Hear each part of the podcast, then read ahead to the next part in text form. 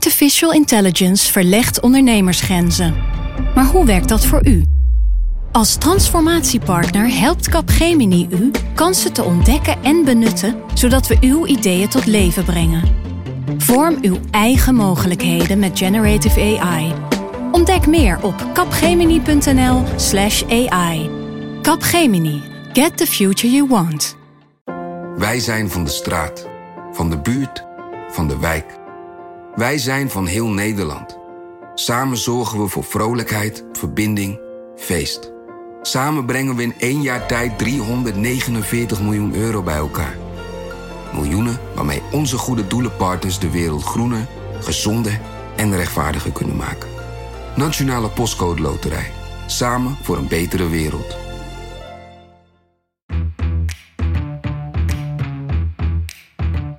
Dit is Haagse Zaken van NRC. Mijn naam is Lemia Aharwai.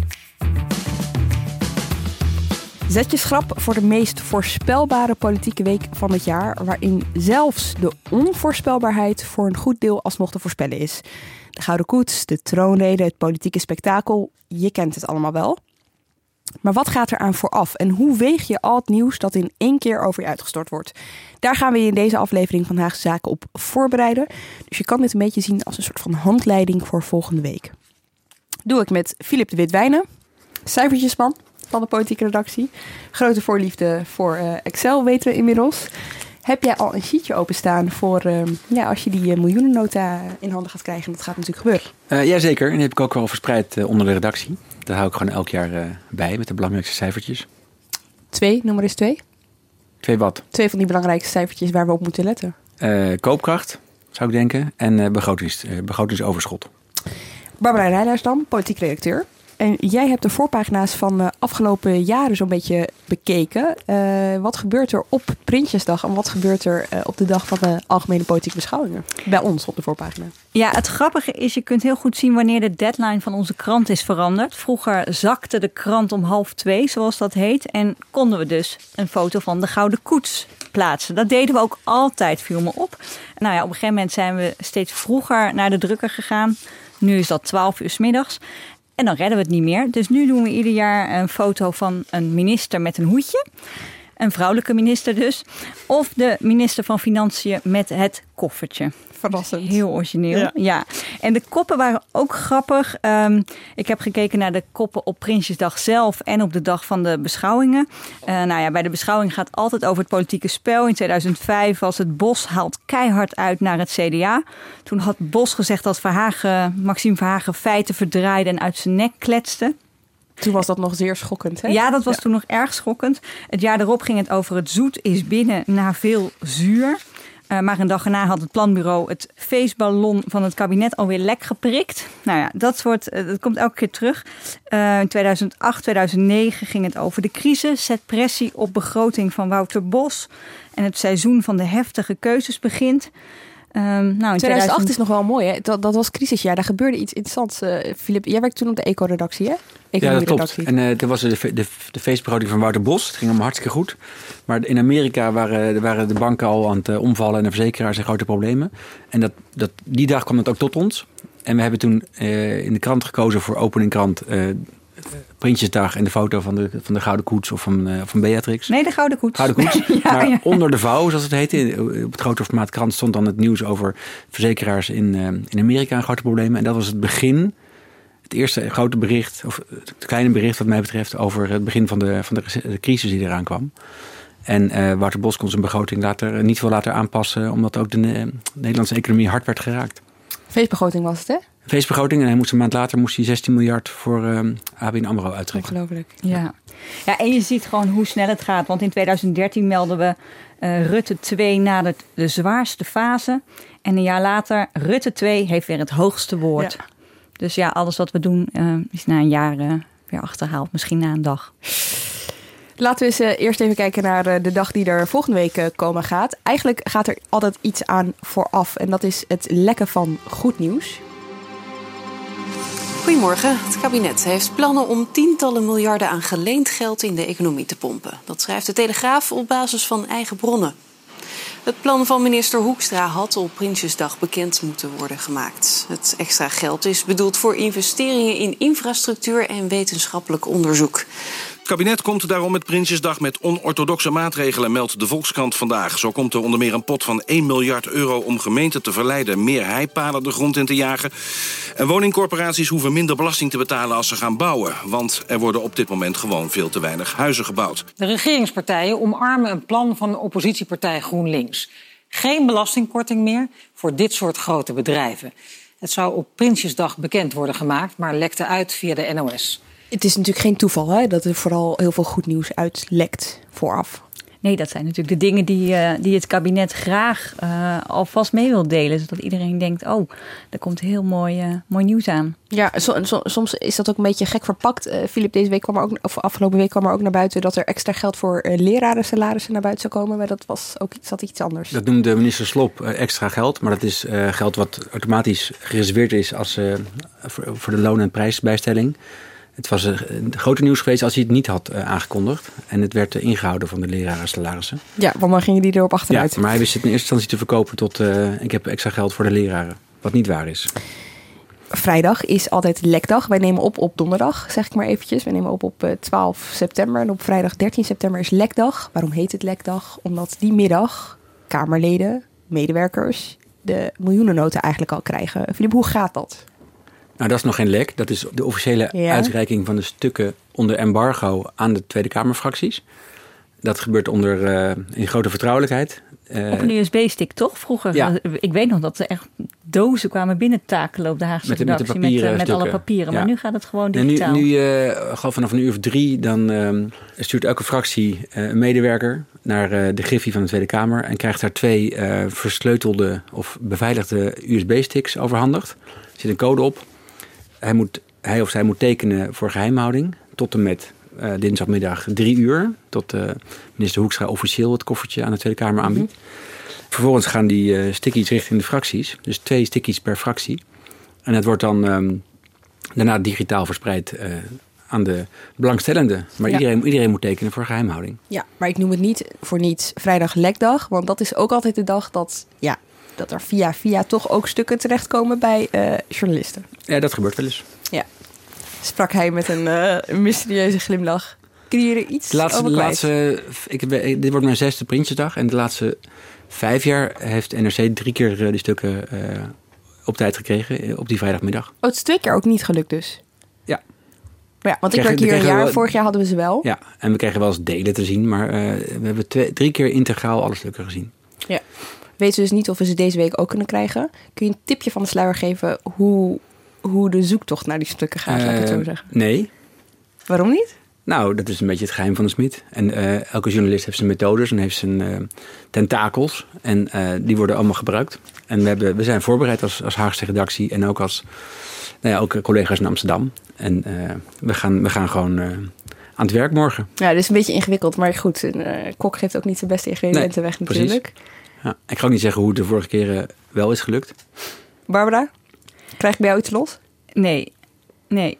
Het is uh, gewoon de kunst om te proberen eerder dan NOS of RTL te zijn. Ja. Die uh, scheppen natuurlijk ook groot genoeg in om als eerste met de miljoenennota te kunnen zwaaien. Ja. Hey Lemja, nog even met Filip vanuit uh, de Haagse redactie op vrijdagmiddag. Het is gelukt hoor, we hebben hem. Uh, om een uur of kwart over drie werden de stukken aan de Tweede Kamerleden en andere vrienden van uh, het parlement verstrekt. En ik geloof dat we binnen een half uur uh, de stukken ook op ons bureau hadden liggen. Dus de lezers en de luisteraars kunnen dat allemaal uitvoerig op onze website nrc.nl nalezen. Later meer. Groeten. Ik merk wel dat, dat ehm, zeker ambtenaren en, en, medewerkers zijn heel erg, uh, nemen, nemen de, de geheimhoudingsplicht heel serieus. Ze zijn heel bang om iets uit te, uh, uit te laten lekken en dat het dan naar hun wordt verwezen. Want het is dus gewoon een strafbaar feit als, als ambtenaar om staatsgeheimen naar buiten te brengen. Daar zit dan ook de grootste irritatie dat er in die weken voor Prinsjesdag steeds dingen lekken. Want die komen dan uit de coalitie of vanuit het kabinet.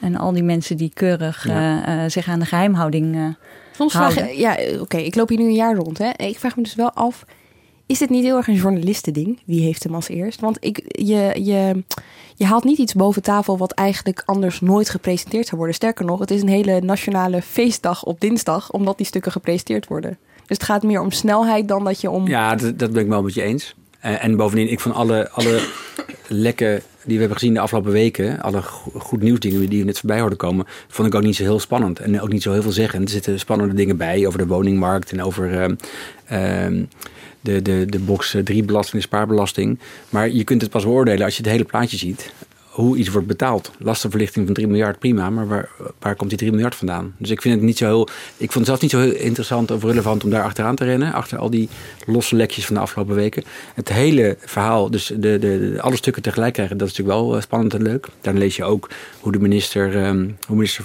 Hoekstra in zijn inleiding het beeld schetst en de boodschap overdraagt hoe hij nou ja, de ontwikkelingen van de economie ziet en, um, en de risico's.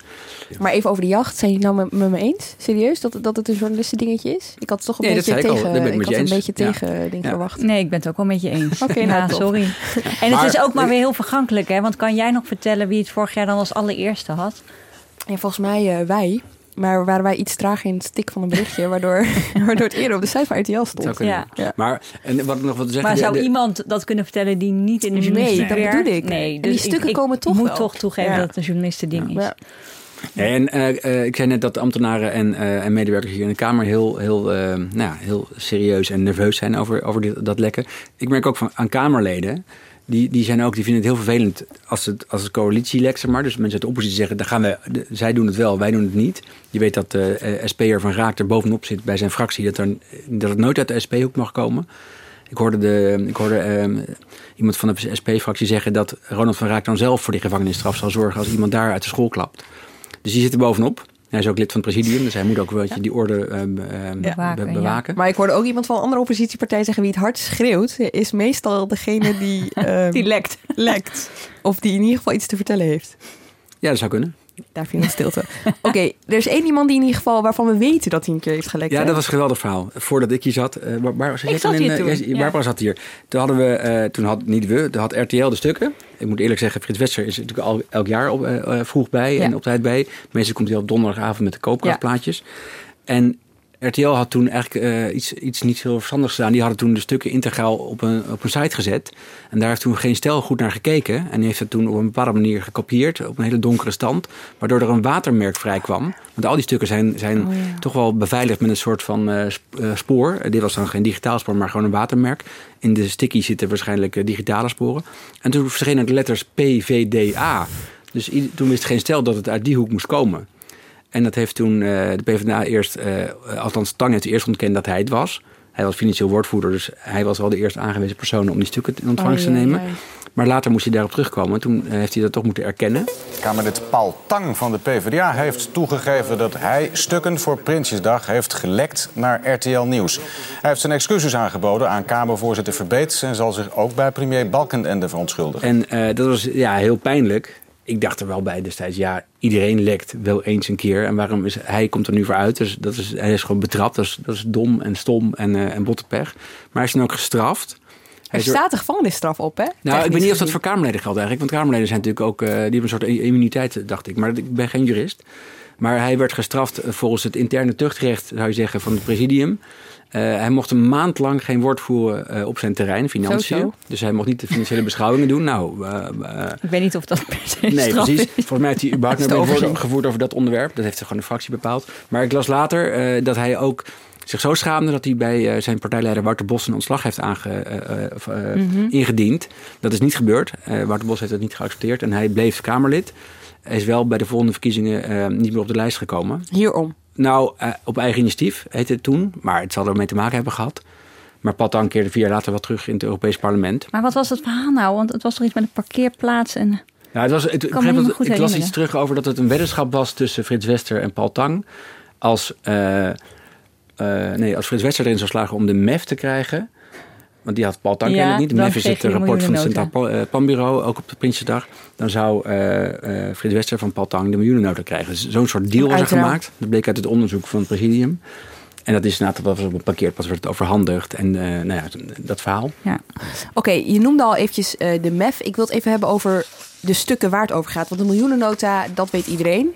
Hè, dat, dat woord valt heel vaak, maar er komen nog twee stukken nee, bij. Er komen heel veel stukken, er komen tientallen stukken. De miljoenennota is het hoofdverhaal van de regering. Ja. Uh, met zeg maar de, de rijksbegrotingen voor volgend jaar op hoofdlijnen de beleidsmaatregelen op een rij, uh, consequenties voor de koopkracht, et cetera. In viertal hoofdstukken. Dat is een redelijk bescheiden document van 80 pagina's of zo. Um, daar hoort bij een verticale bijlage. Uh, dat zijn de bijlagen met alle tabellen en met alle cijfers. Daar ga ik altijd door grasduinen, dus daar zitten leuke dingen altijd in. En dan krijg je vervolgens alle departementale begrotingen van alle departementen en van het infrastructuurfonds en van het uh, provinciefonds. Uh, en het Deltafonds. Dus er zijn echt iets van ruim twintig aparte begrotingen. Wat aparte wetsvoorstellen eigenlijk zijn. En er zit bij de macro-economische verkenning van het Centraal Planbureau. Dat is dus de MEF, ja? Dat is de MEF. We hebben in augustus de C-MEF gezien, de concept-MEF. Maar dat waren alleen maar de, de, de kerngetallen, de macro-economische kerncijfers. Met, Wat voor cijfers zijn dat bijvoorbeeld? Dat is uh, economische groei, werkeloosheid, uh, begrotingssaldo, dus overschot of, of tekort. En ook um, de, de koopkrachtindicatie. Voor als het, als het kabinet geen extra beleids, of aanvullend beleid zou, zou gaan doorvoeren. Nou, daar, die cijfers waren allemaal wel positief, die koopkrachtcijfers. Maar sommige groepen bleven achter bij, bij, uh, bij, uh, bij andere groepen. Dus het kabinet heeft op basis van uh, de augustusrapportage eigenlijk elk jaar besloten om dan wat aanpassingen te doen. Wat te gaan repareren, zoals het heet. Ja. En de definitieve koopkrachtcijfers komen dan met Prinsjesdag. Dus dat staat in de MEF en dat wordt ook in de, in de miljoennota uitgeschreven. En Sociale Zaken komt op Prinsjesdag ook nog met een apart koopkrachtverhaal. Um, dat zijn al die stukken. Er zijn heel veel documenten. Um, en dan is er nog het belastingplan. Ja, dan heb je het belastingplan. Uh, dat is uh, zeg maar de inkomstenkant van uh, de Rijksbegroting... waar staatssecretaris snel over gaat. maar dat stuk zit niet bij de stukken die onder embargo aan de, aan de Kamer wordt verstrekt. Dat vindt de Kamer heel vervelend, want ze kunnen niet zien hoe die fiscale maatregelen precies uh, in elkaar steken. Ik kan me ook wel voorstellen dat ze het uh, irritant vinden, omdat ze natuurlijk op woensdag beginnen de algemene politieke beschouwingen. Daar gaan we het straks nog uitgebreider over Ja. hebben. Maar dat betekent dat zij dus maar een halve dag hebben om zich wat dat betreft voor te bereiden op, op ja, hun inbreng. nee, dat, dat is heel vervelend. Ze moeten sowieso nu de komende dagen heel veel gaan, uh, nou, gaan lezen en gaan puzzelen. En dan een verhaal voor de fractieleider uh, voorbereiden. Meestal doen de financieel woordvoerders dat, uh, dat puzzelwerk met hun medewerkers. En dat belastingplan is ook een dik pak papier. Daar moeten ze dan dinsdag pas, uh, kunnen ze pas dinsdag echt doornemen. Ja, nou ho- hoop jij dus op vrijdag in ieder geval die miljoenennota te hebben, inclusief al die begrotingen Ja. en de MEF. Waar Ja. blader jij als eerste toe? Uh, ik blader uh, eigenlijk als eerste um, naar de koopkrachtcijfers. Die zijn dit jaar eigenlijk wel weer spannend, vind ik. Ik vind het nooit zo heel spannend, maar dat is wel iets wat je, wat je wil melden aan de lezers. Uh, gaan jullie ervoor op, voor op achter, of op achteruit?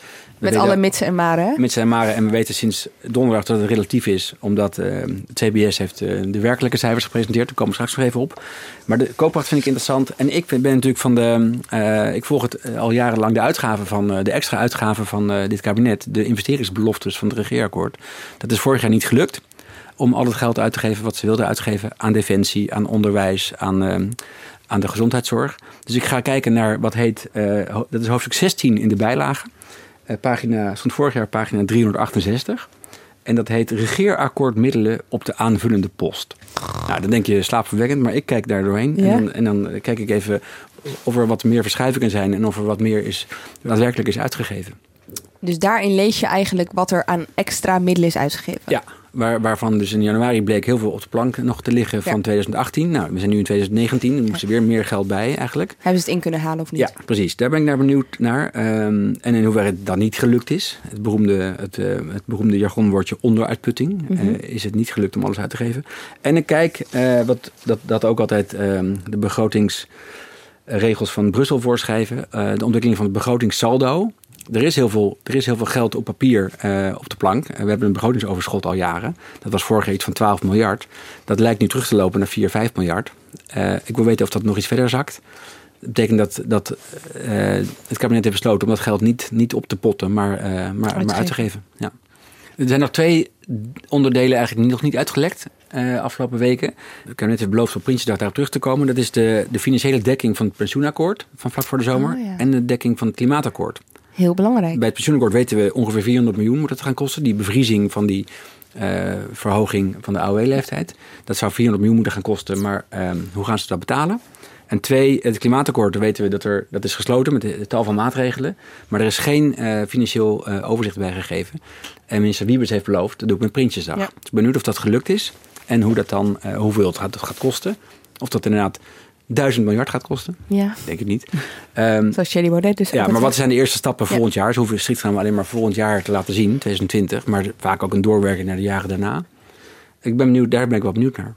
Barbara, waar kijk jij eerst naar? Naar Philip. Jullie zitten ook even voor we de zitten, luisteraar, jullie zitten vlak, vlak bij elkaar. Ja, ja, we zitten vlak bij elkaar. Ja. Nee, ik kijk, ik kijk natuurlijk als politieke redacteur niet zozeer naar hele specifieke posten of cijfers. Dat weet jij natuurlijk heel goed als mede-politieke redacteur. Vooral Wij kijken meer naar uh, politieke landschap. Welke partij heeft wat binnengehaald? Wie uh, heeft ergens uh, op in moeten leveren? Um, dus ja, dit is toch meer Philips en zijn feestje. Ik begin meestal als een kip zonder kop een beetje te bladeren en overal te lezen. Ik denk, oh interessant. En dan ben ik ineens, weet je wel. Ja, het vertelt vaak wel een soort van verhaal hè, met wat het kabinet ja. wil voor het komend jaar. En daar ja. kun je nog wel wat politieks in lezen. Precies, ja. Eventjes over die koopkrachtcijfers, hè? Want nogmaals, met Prinsjesdag krijg je een voorspelling over ja. het uh, volgende jaar. Maar vlak voor Prinsjesdag verschijnen altijd de feitelijke cijfers. Ja. En deze week bleek de gemiddelde Nederlander is er vorig jaar, dus in 2018, 0,3% in koopkracht op vooruit gegaan ten opzichte van 2017. Ja. De kleinste groei hebben we het over sinds de economische crisis. Mm -hmm. Iets meer dan de helft van de Nederlanders gingen op vooruit. Dat betekent dus ook dat iets minder dan de helft erop achteruit ja. ging.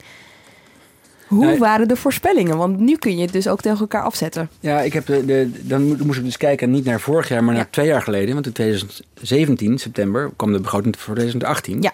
En toen werd er beloofd dat uh, er werd er ook een paar honderd miljoen in koopkrachtreparatie gestoken. Toen heeft het kabinet gezegd, we gaan, uh, de koopkracht gaat er uh, in de algemene zin op vooruit. En bijvoorbeeld, jij noemde net de, de, wat heet de mediane koopkracht voor de doorsnee Nederlander. Dus de, de, de middelste waarde. Het was 0,3 feitelijk volgens CBS. Ja. Beloofd was 0,6 procent. Dus de helft minder. De, de helft minder. Het, zijn kleine sprongetjes en relatief, maar het is de helft minder. Uh, de uitschieters zat hem vooral, deze, wat we zagen met CBS, bij de gepensioneerden. Die zouden volgens de miljoenennota 2017 0,6% in koopkracht stijgen. Het werd een min van een half procent. Dus um, de, belangheb, de, de, de belangenbehartigers voor de gepensioneerden Henk Krol, die uh, kan zijn messen slijpen voor de algemene beschouwingen. Ja. weet wel waar hij mee gaat komen. Ja. Met welke grafieken. Hij zal ze niet zelf hoeven te verzinnen. Hij kan, uh, hij kan nu het CBS, uh, de CBS-tabellen erbij pakken. Wat zegt dit dan over die voorspellingen, vraag je je dan af? Dat die vrij waardeloos zijn. Dus, maar dat is even goed om je te realiseren. Dus qua uh, context, op het moment dat je dus komende dinsdag hoort dat de koopkracht, of vrijdag misschien zelfs al, dat de koopkracht er zoveel op vooruit gaat volgend jaar, dan moet je dat met een kilo zout nemen. Maar sowieso, uh, het Centraal Planbureau die de koopkracht uh, plaatjes maakt, die zegt altijd erbij, uh, neem het niet te, niet te letterlijk, niet te serieus. Het is een, het is een, een, een, een bepaalde waarde voor een bepaalde groep huishoudens. Maar voor individuele, gevallen kan het altijd afwijkend zijn. Je kunt je baan verliezen, je kunt een baan krijgen, je kunt je huis verkopen, ja. je kunt scheiden, et cetera. Uh, de, de, individuele factoren ja, voor uh, meer te besteden zijn veel. Dus het, het, er wordt Nederland zo gehangen aan dat koopkrachtmodel. Uh, dat mensen daar dat heel hard uh, als een waarheid nemen. Nou, je ziet, CBS zegt het is altijd net even anders dan beloofd. Um, CPB noemt ook, uh, die heel, heeft ook heel veel disclaimers erop. Um, Twitter is tegenwoordig ook altijd, hè? Van dat ja. je het niet te letterlijk moet nemen. Ja. ja. Als het kabinet zegt, de, uh, last, of de koopkracht gaat stijgen... Uh, we hebben lastenverlichting met het realiseren... dan hebben ze dat over hun eigen periode van die paar jaar. Dus ten opzichte van vorig jaar of van twee jaar geleden. Um, de Raad van State zegt, dat is niet eerlijk. Je moet eigenlijk verder terugkijken naar wat, uh, wat de, de lange termijn uh, ontwikkeling is van, uh, van, van lastenverlichting en van koopkracht. En dan ontstaat er vaak een, he een, heel ander beeld. Wat betekent dat in de praktijk? Want ik vind het nu nog een beetje abstract. Dus dat je, dat je, dat je het niet afzet tegen het jaar daarvoor, maar dat je het ja, Hoekstra, afzet tegen... Hoekstra zegt dan snel, we gaan zoveel procent stijgen of zoveel procent lastenverlichting geven. Maar als je dan verder terugkijkt, dat is, daar is heel technisch jargon voor uh, vergeleken met het basispad, dus de lange termijn raming ja. Voor dit soort uh, uh, kengetallen, dan is het vaak een veel kleinere uh, verhoging, of soms ook gewoon uh, gelijkblijvend of, uh, of een daling. Tot hoever kijk je dan terug? Is daar een soort van gouden regel voor? Nee, geen gouden regel. Maar je, kunt, je zou eigenlijk eerlijker, eerlijkheidshalve zou je gewoon die crisisjaren moeten pakken. Dus vanaf ja. 2010, um, eigenlijk de periode dat Rutte aan het roer is als premier. Dus daar ga ik ook dinsdag zeker iets mee doen. Jij gaat die vergelijking dus wel even ja. trekken. En okay. ik denk Marieke Stellinga ook, want die heeft er ook veel over geschreven. Dan gaan we even naar die dinsdag. Want uh, een heleboel dingen op die dag zijn gewoon uit te tekenen. Je hebt natuurlijk de Gouden Koets, je hebt de troonrede. Wat doen jullie eigenlijk op die dag? Want om, om drie uur wordt het uh, koffertje pas aangeboden, kwart over drie. wat doen jullie ervoor? Zitten jullie echt aan de route te zwaaien naar de koning? Uh, nee. ik ben ooit één keer op Prinsjesdag uh, mee geweest. Uh, met, met mijn man. Die toen in het kabinet zat. Dus ik heb ooit een hoedje gekocht en me opgedost. Je hebt het vanuit de zaal meegemaakt? Ik heb het ooit vanuit de zaal meegemaakt. Met hoedje. Missen we wat? Uh, nee, jij hebt zelf ook vorig jaar in de zaal gezeten. Het is, uh, op het balkon ja. toch? Op het balkon, op het Ik had een verrekijkertje ja. mee. Ja. ja. Ik, toen ging ik inzoomen op al die uh, Kamerleden en zo. Dat zagen ze ook. Dat was niet, dat vonden ze redelijk ongemakkelijk. Ja. Nee, ja, het, ja, je kunt het missen. nee, deze week zit ik 's ochtends, ehm, mag ik op televisie vertellen over Prinsjesdag. En dan smiddags ben ik weer op de redactie. En dan kijk ik naar de troonrede op televisie. Ja. En in de loop van de middag gaan we eigenlijk uh, altijd naar de borrel bij Nieuwsport uh, van VNO-NCW. Een soort vaste prik, ook een van de, van de Prinsjesdag tradities geworden. organisatie. Ja. ja, en natuurlijk moeten er stukken gemaakt worden. Filip? Nou, de ochtend is altijd buitengewoon saai. Eigenlijk heel Den Haag ligt stil en plat. Pas om één uur begint het circus met die koets en, uh, en de troonrede. De stad stroomt vol met mensen met oranje vlaggetjes. En het volk gaat langs de kant zich opstellen. Maar ik heb, uh, ik, ik heb uh, nog voor een verhaal voor dinsdag uitgezocht wat er nog meer van feestjes zijn op die dag. Behalve de borrel waar Barbara nu over sprak van VNO, NCW, smiddags in Nieuwsport. langs de route van de, van de, van de koetsstoet. Daar, het is maar duizend meter hè, van het Noordeinde naar de Ridderzaal. Dat is een klein stukje maar. Maar daaromheen zijn allemaal kantoren en... Um, Noem eens een paar. Theaters, noem noem een paar Hotel, hots, de, Hotel de Zende heb je, uh, je hebt uh, Theater Diligentia. En overal zijn feesten en partijen. de gemeente Den Haag die huurt de Kloosterkerk af. Hotel de Zende, daar heeft Mark van, van der Linden van het Bad Royalty 120 lezers uitgenodigd. Die overigens wel een, daar 92 euro voor moeten betalen. Ehm, er is een partij voor ambassadeurs in het Mauritshuis. Een partij van de Rabobank in Diligentia. En ook leuk, de uh, onderzoeksraad voor veiligheid. Met uh, als uh, nieuwe baas Jeroen Dijsselbloem. De man die Aha. vijf jaar lang het koffertje heeft mogen, mogen vervoeren naar de Tweede Kamer. En die gaat gewoon aan het werk. Die zit gewoon te werken. Op de kamer met het beste uitzicht. Mooi uitzicht Ja. op de route. En ik, hij zal veel medewerkers over zich heen krijgen, want die willen allemaal eh, kijken. Maar voor hem geen feestje. Hij, eh, de, de, de OVV is gewoon aan het werk die dag. En dat geldt voor meer eh, eh, overheidsinstellingen langs de route. Die zijn gewoon aan het werk. Die krijgen een iets langere lunchpauze, begrijp ik, bij de, bij de Rekenkamer en bij de Raad van State. Maar verder zijn overal feestjes. Eh, dus ik ga misschien daar wel even een rondje lopen om te kijken wat er allemaal, eh, wat er allemaal gebeurt. De man van de feestjes, hè? Ja. Ja, dat is, ik wilde het niet zeggen, maar inderdaad, ja. Oh ja, Ik eh, Gerard Joling zit op een meter of 150 van eh, koningin Bea- prinses Beatrix, moet ik zeggen. Zo zie je maar, Prinsjesdag brengt ons allen bij elkaar. Ja. Anyway, in die ridderzaal eh, zit één iemand niet eh, dit jaar. Nee, dat klopt. Eh, er werd natuurlijk al langer gespeculeerd of Nederland eh, in navolging van de Verenigde Staten ook een designated survivor zou aanwijzen. Hè, in Amerika doen ze dat al, eh, al veel langer tijdens de State of the Union en de, de inauguraties. Ehm, en die ja, aangewezen overlever, die zit dan op een geheime, zwaar beveiligde locatie. Nou, nu is ontdekt dat onze minister van Buitenlandse Zaken, Stef Blok van de VVD, eh, dat die dinsdag op werkbezoek is in Frankrijk, in Straatsburg. Dus je zou kunnen zeggen, kijk, als er een aanslag wordt gepleegd en er blijft niemand over, ja, dan eh, is Stef Blok Ja. een survivor. Eh, nou, onze collega Stefan Alonso die heeft uitgeprobeerd te zoeken of hij nou echt de designated survivor is of gewoon toevallig per ongeluk weg. Ehm, ja, en daar, daar wil niemand eigenlijk iets over zeggen. Dus we moeten dinsdag nog steeds goed opletten. Want het kan best zijn dat er nog iemand uit het kabinet ontbreekt. En dat dat de echte designated survivor is die wel ergens in een bunker eh, wordt ondergebracht. Terwijl Stef Blok eh, op een terrasje in Straatsburg zit. Dan is het een redelijke belediging voor Stef Blok als er nog iemand weg is. Want dan is dus Ja. blijkbaar het idee dat Stef Blok het zelf niet aan Ze vertrouwen Ja. hem het landbestuur niet toe dan. Nee, dat zou heel pijnlijk zijn. Oké, dat gaan we dus zien. Dat gaan we zien. Eventjes naar wat er daarna gebeurt. En wat voor ons eigenlijk eh, een soort van, nou voor mij toch wel een beetje hoogtepunt van het jaar is, politiek gezien dan, hè? Even voor de duidelijkheid. En eh, dat is eh, de algemene politieke beschouwingen. Twee dagen lang. Ja, ik kijk er al naar uit. Ja, je klapt ook in je handen. Jij ook, Oké, ik ben niet Ja. enige. Jazeker. Ja. Wat gebeurt er die twee dagen? Eh, nou, twee dagen lang. Vanaf ochtends een uur of half elf wordt er gedebatteerd in de grote zaal van de Tweede Kamer. En op dag 1 zijn alle fractievoorzitters aan de beurt. Um, en op dag 2 gaat uh, ja, de minister-president, Mark Rutte, uh, antwoord geven op alle vragen. Namens het kabinet. Namens het kabinet, ja. Um, en die fractievoorzitters, dat zijn er uh, 14. Uh, want, we hebben er eentje bij. We hebben er eentje bij gekregen deze zomer. Uh, Femke Merel van Koten heeft zich afgesplitst van de Partij voor de Dieren. Uh, ik neem aan dat zij ook het woord zal voeren tijdens de APB. Want het is natuurlijk ja, het eerste moment om zichzelf neer te zetten. maar dat weet ik niet zeker, heb ik niet gecheckt. Als laatste spreker dan, hè? Als laatste ja. spreker, want er, er, zit een vaste volgorde. Um, de algemene politieke beschouwingen, APB, kortheidshalve, beginnen altijd met de uh, grootste oppositiepartij. Daarna de grootste coalitiepartij, één na grootste oppositiepartij, één na grootste enzovoort. Die noemen dus ze de begrotingsvolgorde, ja, heet dat. Op volgorde van grootte mogen zij uh, spreken. En dat duurt eindeloos. Ik heb de spreektijden niet opgezocht, maar volgens mij zitten ze allemaal op drie kwartier of zo. Drie kwartier, maar dan is het al rustig twee uur voordat, met interrupties voordat uh, Dijkhoff klaar is met zijn. Uh, Precies, met zijn dus ja, normaaliter duren de eerste vier sprekers tot ergens begin van de avond. En dan heb je er dus nog tien te gaan. Ja. ja. Ja, en dan heb je dus ook uh, een paar momenten ertussen zitten waarvan zij zich allemaal zeer bewust zijn. Waaronder het 8 uur journaal, half 8 journaal ja. van RTL bijvoorbeeld.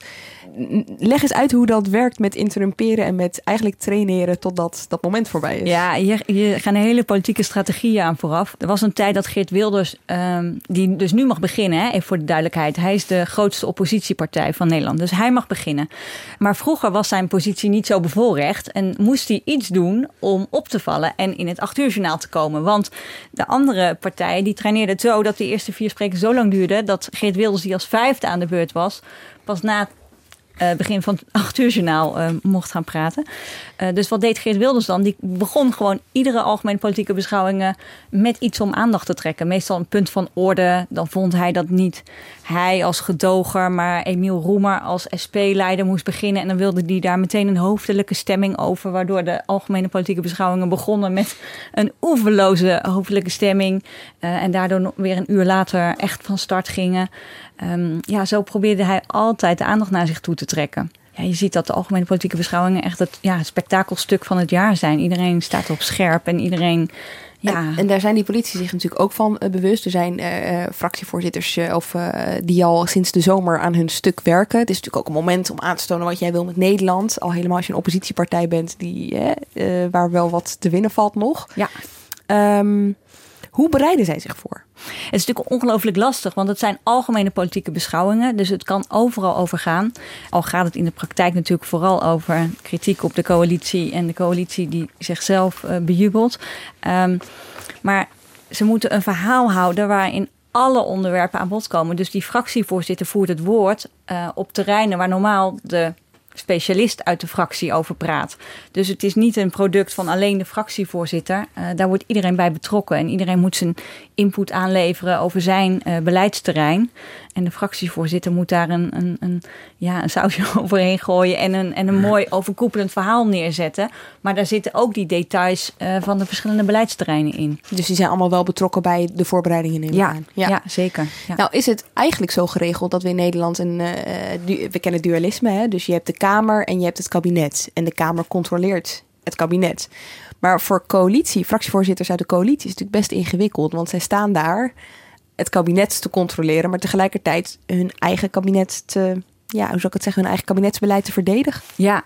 ja, vorig jaar was dat heel goed te zien bij de dividendbelasting. Dat was een heel omstreden maatregel. Het gaat over de afschaffing van de dividendbelasting. En uh, ja, je zag bijna al aankomen dat die maatregel ging sneuvelen, dat die afschaffing niet doorging. Maar dat was nog niet besloten. Dus tijdens de algemene politieke beschouwingen ging het voortdurend over die dividendbelasting. En ja, dan is het dualisme even ver te zoeken. Want uh, Klaas Dijkhoff van de VVD, uh, Alexander Pechtold toen nog van D66, Siebrand van Haarsma-Buma van het CDA toen nog. Die moesten allemaal die maatregel, waar ze zelf eigenlijk in eerste instantie misschien helemaal niet voor waren, gaan verdedigen. Ja, en tot in hoeverre stemmen ze hun verhaal af als coalitie? Want je wil elkaar natuurlijk niet te veel aanvallen. Nee, daar doen ze heel schimmig over. Um, ja, volgens mij uh, hebben ze afgesproken dat ze natuurlijk wel hun eigen verhaal mogen, mogen vertellen. Ze willen ook allemaal hun eigen kleur houden, hun eigen gezicht. Uh, maar en, ze eh, mogen elkaar natuurlijk ook weer niet te veel schofferen. Mogen ze elkaar Altijd- verrassen? Of eh, hebben ze van tevoren Ja, gezegd... vorig jaar is dat hebben? gebeurd. Vorig jaar is dat gebeurd volgens mij met Klaas Dijkhoff en zijn wijkenplan. Daar komen we straks nog Ja. wel even over te maar spreken. dat was, was in de ochtendkrant, dus, dus ze konden zich wel een beetje voorbereiden. Ja, ja, dat wel. Maar ik denk dat, dat ze wel door de ochtendkrant eh, verrast, werden. Ehm, en Ik, ik, Klaas Dijkhoff heeft gezegd dat hij dat ook niet heeft afgestemd met Mark Rutte. Dat waag ik te betwijfelen. Dus het is altijd heel moeilijk. Hè? Als je daarna vraagt, krijg je een antwoord. Maar of je het kunt geloven is een tweede. Maar er was een poepballon van, eh van Rob Jetten afgelopen week, of week, ja, afgelopen week over die eh, halvering van de veestapel. Ja. Althans van pluimvee en van varkens. Waarvan hij wist, dat vindt de VVD niet zo interessant eh, of niet zo goed. En het CDA al helemaal niet. Dus dat is een soort steen in de vijver van die coalitie. Ja. D- Ze kunnen zich nu wel een week voorbereiden om hem daarop eh, eh, kritisch te bevragen. En de oppositie zal zeggen, steunt u dit plan? Dus het kabinetsbeleid. Het is kritiek tot op zekere hoogte, Ja. denk ik, toch?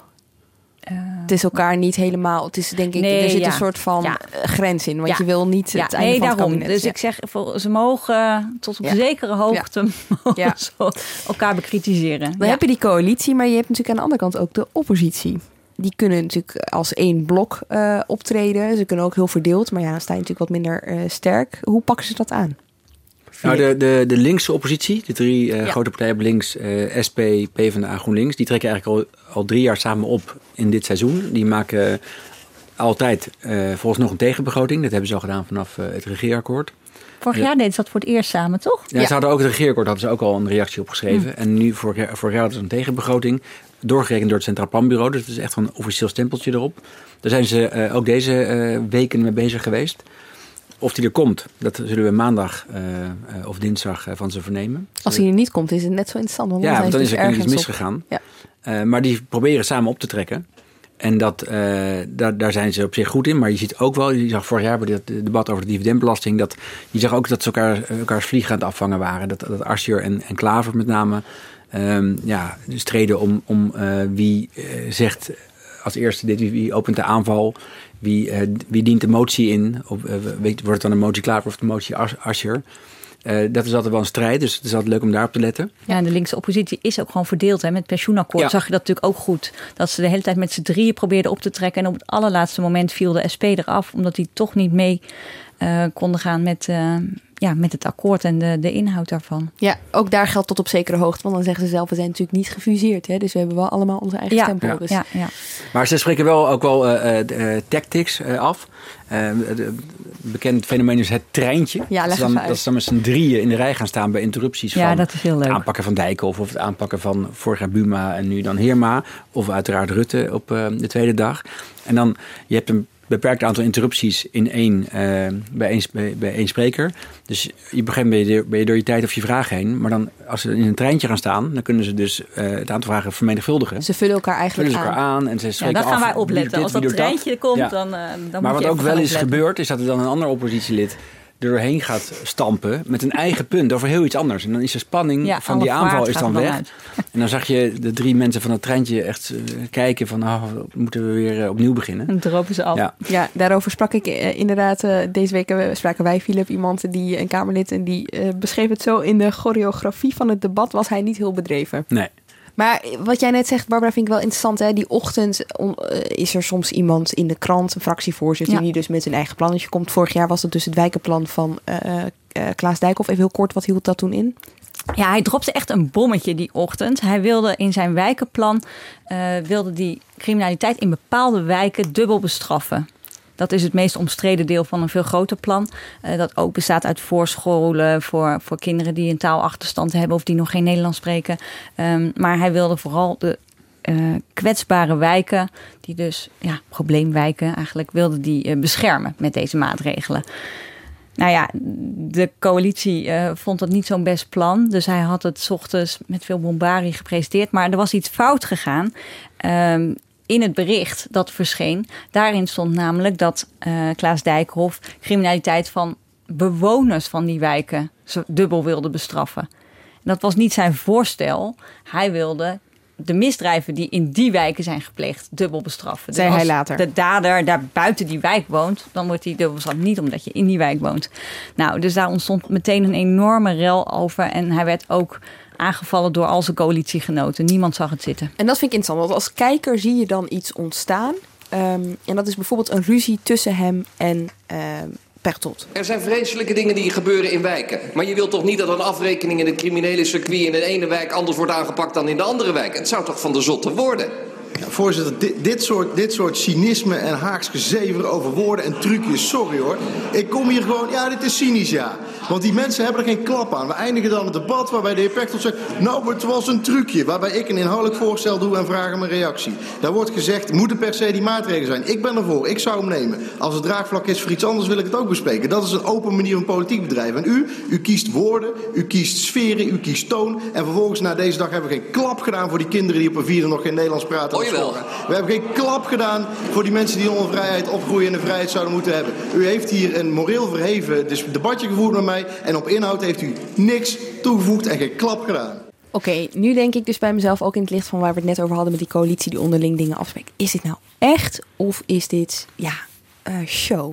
Ja, je zou denken, goh, er is iets niet voorgekookt binnen de coalitie. Ze klinken toch oprecht boos. Hè? Pechtold is echt verontwaardigd, denk je. Klaas Dijkhoff is geïrriteerd. Um, achteraf zag ik dat D66 en CDA, want ook Van Haarsma Buma uh, was heel kritisch op dit plan, dat die na afloop meteen de filmpjes met hun clash met Dijkhoff op internet hebben gezet. Dus dat moet je toch te denken geven van... hé, hey, ze zijn wel heel trots op deze ruzietjes. Of ze willen er wel iets mee laten zien. Het is weer je eigen geluid laten zien, profileren. En ja. het hele verhaal. Ja. Kijk, en voor Dijkhoff natuurlijk ook. Want als grootste coalitiepartij bestaat altijd het risico... je bent al jaren aan de macht, dat je verhaal een beetje sleets wordt. Uh, nou, dat kun je hier niet van zeggen. Dus hij heeft toch weer... Uh, de partij een eigen gezicht gegeven. Toch laten zien wat zij het liefst zouden willen. Nou ja, komt er iets van terecht. Dat is dan nog maar de vraag, maar punt gemaakt. Ja. Ik ben benieuwd, eh, Barbara. Eh, er zijn nu twee debutanten. We hebben, Dijkhoff was voor mij vorig jaar ook debutant bij de Algemene Beschouwingen. Ja, hij had een regeringsverklaring gedaan. Ja. Dus, ja. Maar goed, nu hebben we, en we hoorden Pechtold, die dat is een erkend goed debater. Ja. Buma kon er ook wat van, met, uh, met grappen en gollen tussendoor. Ja. Wat verwacht je van de twee uh, opvolgers van die twee? Wordt het niet een stuk saaier met uh, Heerma en, en Jette? Ja, dat, daar ben ik eerlijk gezegd een beetje bang voor. Want uh, Pechtold en Van Haarsma Buma waren echt heel ervaren Kamerleden. Ze hebben wel wat te ehm, verliezen. Hè? Ik bedoel, eh, Rob Jetten heeft echt wat te verliezen. Dit zijn zijn eerste algemene politieke beschouwingen. Ja, en hij moet zich laten zien natuurlijk. Als hij zich daadwerkelijk gaat mengen in een leiderschapsstrijd... die uh, zo'n beetje eind van dit jaar gaat beginnen... dan is dit het moment om zich Ja, hij moet laten zien wat hij in huis heeft. Maar hij heeft het natuurlijk ontzettend zwaar met zo'n voorganger. Ik bedoel, er is bijna niemand die zo goed kon debatteren als Alexander Pechtold. En ook met zichtbaar genoegen, die genoten van. Die heeft ja, tijdens de algemene politieke beschouwingen, als je denkt aan de hoogtepunten van de afgelopen jaren, zit daar heel vaak fragmenten van Alexander Pechtold bij. Dus uh, ga er maar aan staan. Als je hem moet opvolgen, de verwachtingen zijn enorm. Uh, en hij is gewoon een heel ander Kamerlid en heeft een heel andere manier van debatteren. En Pieter Heerme? Ja, ben ik benieuwd. Die, die, heb ik nog niet zoveel gezien. Hij is vooral een man die op de achtergrond uh, werkt. Um, dus hij, hij treedt nooit echt op de voorgrond. Uh, nou, dat moet hij in deze rol wel gaan doen. Uh, we weten dat hij de hele zomer heeft uh, zitten werken aan zijn inbreng voor de algemene politieke beschouwingen. Nou, hij heeft geen ambities om uiteindelijk de partijleider te worden van het CDA, heeft hij steeds gezegd. Maar kennelijk is het toch zijn eer te na om zich er makkelijk van af te maken. Dus Ik, ja, ik ben wel heel benieuwd wat we van hem te zien gaan krijgen. Het is uh, politiek gezien ook interessant wat zijn verhaal wordt. Hè? Want dit is een CDA dat op zoek is naar een verhaal waar het wetenschappelijk uh, bureau bijvoorbeeld uh, bezig is met echt letterlijk een plan maken voor 2030. Hè? Waar het CDA, wat het CDA dan moet vinden of wat hun verhaal is, waar ze staan. En dit is een soort van tussenverhaal. Dus Buma is weg, was veel kritiek op Buma. Veel mensen vonden hem te conservatief. Er komt nog een verhaal, dat komt ergens eind dit jaar. En dit is een soort van tussen um, tussenperiode. Ja, dus het is heel ingewikkeld. En eigenlijk een soort van aanwijzing. Eigenlijk had Klaas Dijkhoff dat vorig jaar natuurlijk ook. Want ook de VVD is op zoek naar een nieuw verhaal. Maar dat doet Klaas Dijkhoff zelf. Ja. Um, maar dat, ja, vorig jaar met de algemene politieke beschouwingen... Uh, ja, was hij dus een beetje aan het testen, zou je kunnen zeggen. En dat zou Heerma nu ook kunnen doen. En zeker als hij zelf geen ambities heeft om echt partijleider te worden, kan het zijn dat ze hem een opdracht meegeven. En zeggen: Joh, we denken aan deze richting. Ga jij dat verhaal eens testen? We gaan gewoon kijken, weet je, trial and error. We gaan kijken hoe het valt. Is het helemaal niks, dan, beginnen we opnieuw. Of weet het niet, maar. Vind ik dat ook wel een beetje een saaie spreker hoor, wat dat betreft. Uh, Herma. Ja. Ja, stemgeluid is ook iets inderdaad. En uh, mimiek. Oké, naast eh, deze twee debutanten, Rob Jetten, eh, Pieter uh, Heerma, is er nog één iemand om op te letten volgens mij. En dat is Lilian Marijnus. Hè? Want die heeft echt wat te winnen, ook deze APB. Ja, het gaat niet zo goed met de SP. Um, we hebben natuurlijk vreselijke verkiezingsnederlagen geleden eerder dit jaar. En voor haar staat er veel op het spel. Iedereen kijkt, uh, gaat zij erin slagen om de SP weer uh, naar grote hoogte ja. uh, te stuwen? Of ja, gaat het alleen maar verder bergafwaarts? En ja, dit zijn hele belangrijke momenten. Je noemde net al eventjes Pechtold hè, als benaderd gesprek. Ja. Kijk, er zijn natuurlijk, de APB staan bekend om een paar momenten die iedereen moet kennen. En een van die momenten komt natuurlijk wel van, uh, van Pechtold. Die stond toen uh, tegenover Pieter van Geel, ja, CDA-minister van Woningbouw toen. Was ook niet de meest kleurrijke politicus. Nee, en goed, tegenover hem stond dus Pechtold met een hele stapel aan rapporten die allemaal over de sector waren geschreven. Wat nou het aardige is, dat wij nu met elkaar, door de omstandigheden en door het feit dat de economie niet zelf uit de problemen komt, dat we nu in samenhang besluiten moeten nemen. Dus ik heb niets aan afzonderlijke rapporten alleen. Ik wil een samenhangend verhaal. Zal ik er een nietje doorheen slaan? Nee, daar kom ik straks ook op toe. Daar kom ik straks ook naartoe. Ja, classic moment. Uh, natuurlijk uit de APB-geschiedenis. Ja, attributen doen het ook altijd goed, hè? Want je ziet dan iemand aankomen en je ziet dat ze iets in de handen hebben. Of je ziet gewoon dat ze iets van plan zijn. Ze kijken natuurlijk ook vaak al een beetje ondeugend bij. Want ze hebben zelf heel veel lol over wat ze hebben bedacht. En, en bij Pechtold was dat toen ook zo. Die kwam inderdaad met een enorme stapel rapporten onder zijn arm aan. Dus die hele zaal begon al een beetje te gniffelen. En het is geoefend hè, voor een groot deel. Ook zo'n interruptie kan gewoon geoefend zijn. Soms... Maar dan zal ik er een nietje doorheen slaan. Die... die kwam wel zo ad rem. Ja, ik weet niet of dat nou letterlijk was voorbereid. Het is ook knap om op het moment suprem zo ad rem snedig antwoord te hebben. De ene is ad rem als hij ziet dat het werkt. De ander die wordt een beetje twijfelachtig. Dan moet ik denken aan uh, Jan-Peter Balkenende. Good old Jan-Peter Balkenende, onze oud-premier. Kennen jullie hem nog? Um, daar stond uh, Femke Halsma tegenover in 2006. En uh, Balkenende die was een beetje klaar met het negatieve gedoe van Halsma. Ik, ben, ik, begrijp, ik begrijp niet waarom u hier zo negatief en vervelend over doet. We zeggen, laten we blij zijn met elkaar. Voorzitter, ik zal het u precies uitleggen. Laten we zeggen, Nederland kan het weer. Die VOC-mentaliteit. Over grenzen heen kijken. Dynamiek. Toch? Ja, die toch, toch, doet het hem natuurlijk wel. Ja, heerlijk. Hij ziet die kamer natuurlijk van, nou, wat zeg jij nou? Hij had het nog zo mooi geoefend en dan... of ja, toch niet. Nou, de spotlight pakken is dus niet voor iedereen uh, weggelegd. Want dit zal toch een bekend fragment zijn. Elke keer als ik, hem, als ik er naar kijk, en dat doe ik regelmatig, dan moet ik weer cringen. Dit is GroenLinks, toen nog fractievoorzitter uh, Jolande Sap. Wie dit niet kent, dit is even politieke opvoeding. Want dit fragment moet je eigenlijk wel kennen. Ja, zoek even de beelden erbij. 2011. Oké, okay, luister, luister eerst even zelf. Mevrouw Sap. Ja, voorzitter, wat eh, de heer Wilders tot nu toe in dit debat laat zien... is weer typisch zo'n voorspelbaar voorbeeld van arm Geertje. Hij zit zelf als een kat in het nauw. Nou ja. En hij probeert dat te verbloemen door de pijlen op anderen te richten. Voorzitter, de heer Wilders baalt als een stekker van dit kabinet. Is dat zo? Maar hij weigert die stekker eruit te trekken. En voorzitter, ik had nooit gedacht dat het zover moest komen. Maar laat ik dan nu maar als vrouw aan de heer Wilders laten zien hoe je dat doet, de stekker eruit trekken. Op de achtergrond zie je dus Job Cohen en eh, Jeroen Dijsbloem in hun uh, bankjes zitten. En die, die, zitten zo te kijken van, uh, gaat ze nou iets laten nou? zien? Ineke van Gent, Kamerlid van GroenLinks, komt aanlopen met in haar hand een uh, verlengsnoer. Hier hebben we het kabinet. Hier is de stekker. Die heeft de heer Wilders er vorig jaar ingestoken. Want er is maar één grote gedoger van dit kabinet. En dat zal er nog zitten, voorzitter.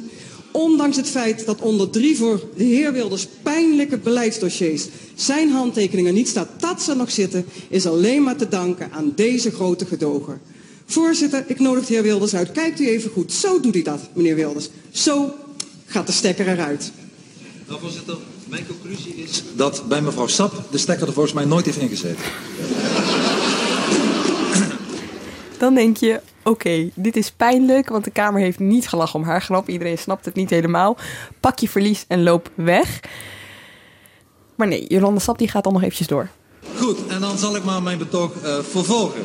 Makkelijk komt de heer Wilders er niet mee. Weg. Voorzitter, ik doe het met alle plezier. Nog één keertje voor, want het dringt niet door. Kijk, de heer Wilders, u hebt hem erin gestopt. Zo haalt u eruit. En voorzitter, ik bied de heer Wilders ook graag aan om een elektricien in te schakelen als hij het nog steeds niet snapt. Ik zal die zelfs met plezier voor hem betalen. Want met uw grote woorden over wat er allemaal niet goed gaat met dit kabinet, hebt u als enige die stekker in handen. U bent de enige echte grote gedoger in deze Kamer. U kunt er vandaag nog een eind aan maken. Wees u een vent, toon moed en toon niet dat gedrag wat u nu vertoont. In Venlo, voorzitter, hebben we daar een mooi woord voor. De heer Wilders, die gedraagt zich als een meekmol.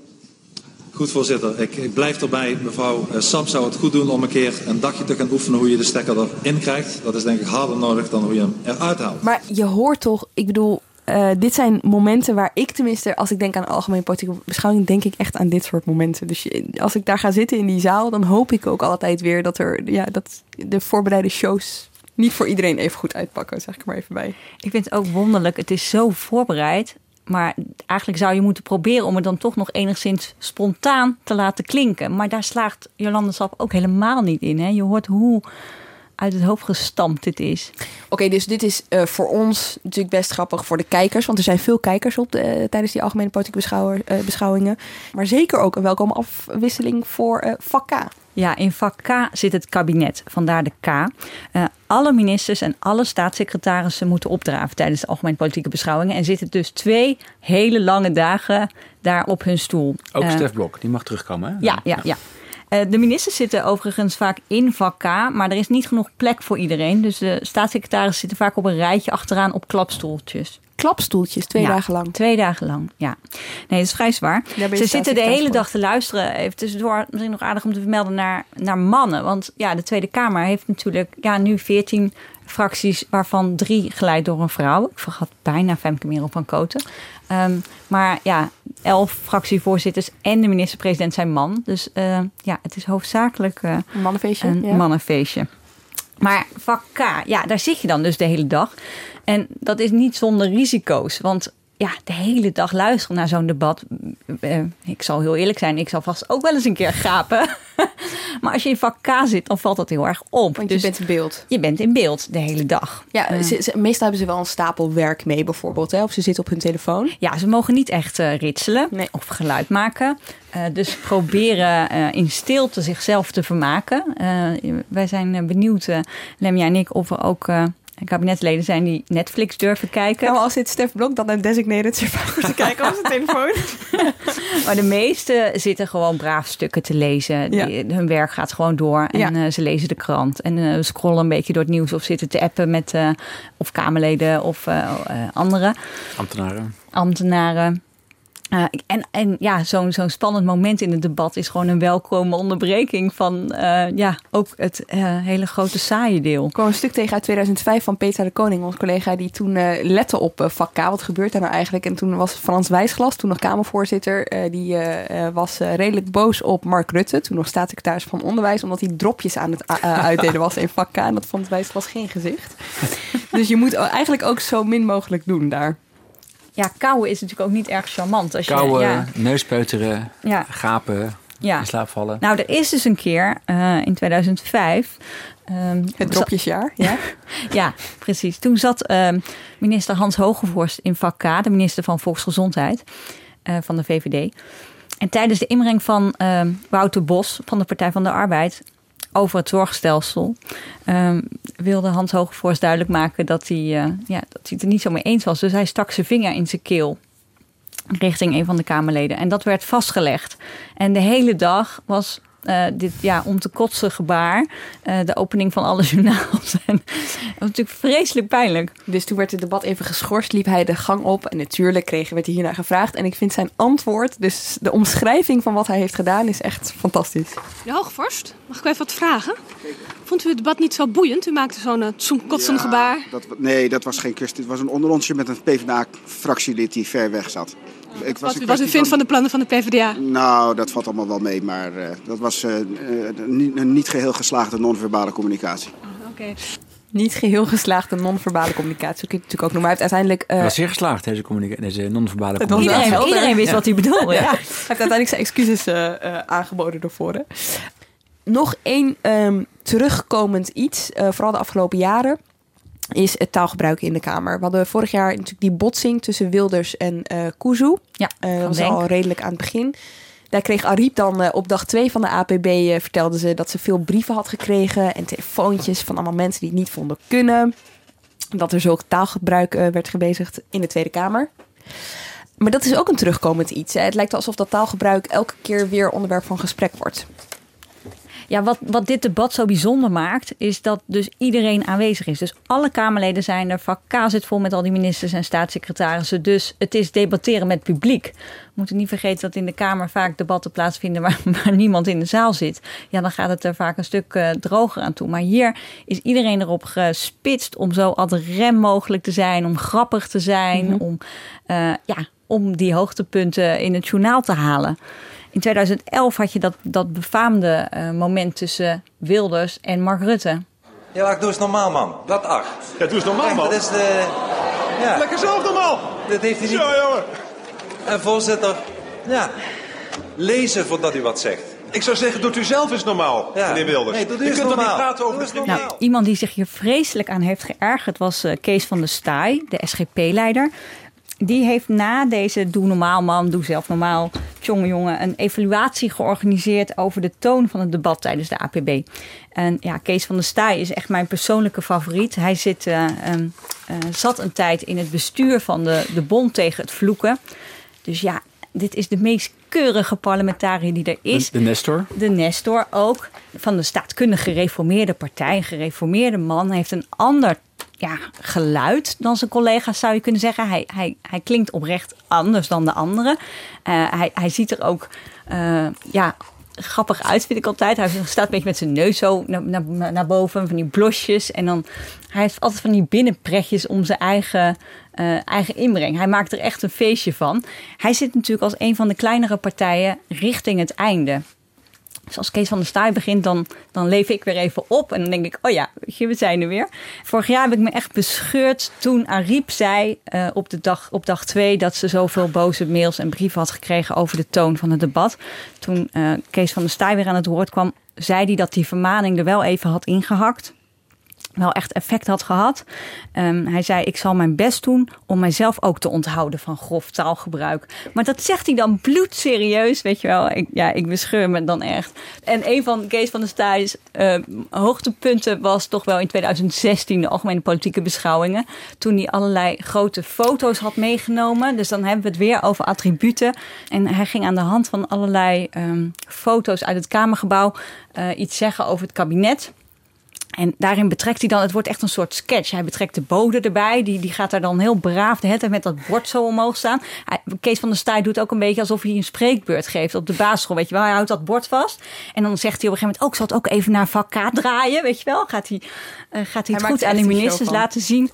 Als je de verslagen van de Tweede Kamer leest, van de beschouwingen, dan staat er heel vaak uh, in de inbreng van Kees van der Staaij tussen haakjes hilariteit. Ja, oké. Ja. Ik kan je iets leuks vertellen, Barbara. Je kan je weer voorbereiden op iets moois, want ik heb me laten vertellen dat er dit keer weer attributen gebruikt worden. Ja, in, eh, ik heb het ook gehoord, dus ja, ik zit er eh, klaar voor. Even tot slot, om het even te hebben over de politieke kant hiervan en over de financiële kant hiervan en hoe we het moeten wegen komende uh, week. Om maar even als voorbeeld te nemen dat wijkenplan van Klaas Dijkhoff. Dat kwam dus woensdagochtend van de APB in 2018 in de krant. Heeft de APB daarna voor een deel gedomineerd, naast de dividendbelasting natuurlijk.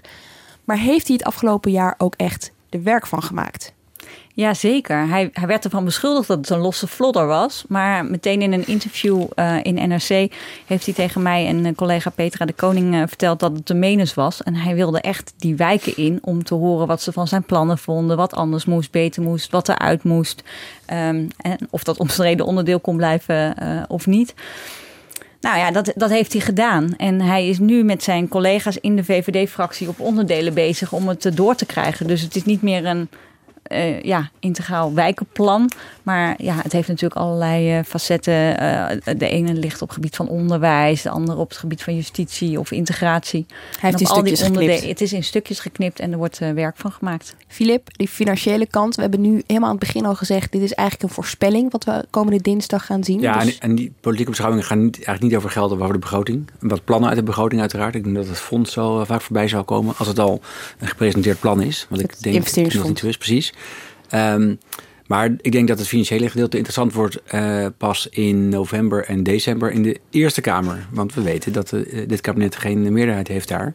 En daar zal uh, steun moeten worden gevonden voor al die begrotingswetten en het belastingplan. dus ze kunnen nu elkaar in haren vliegen. Maar uiteindelijk zal Rutte bij ofwel de PvdA ofwel Forum voor Democratie... een beetje gemankeerd natuurlijk daar in de Eerste Kamer... of GroenLinks steun moeten zien te vinden...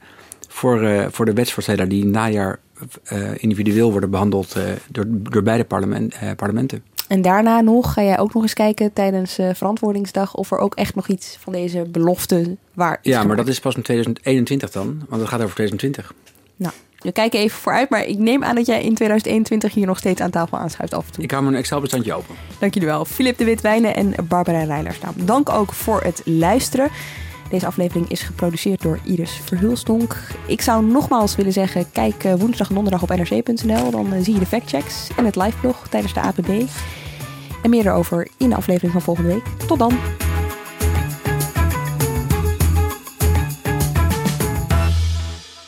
Wat weet ik eigenlijk van die nieuwe leverancier? Ik heb die spullen wel echt nodig.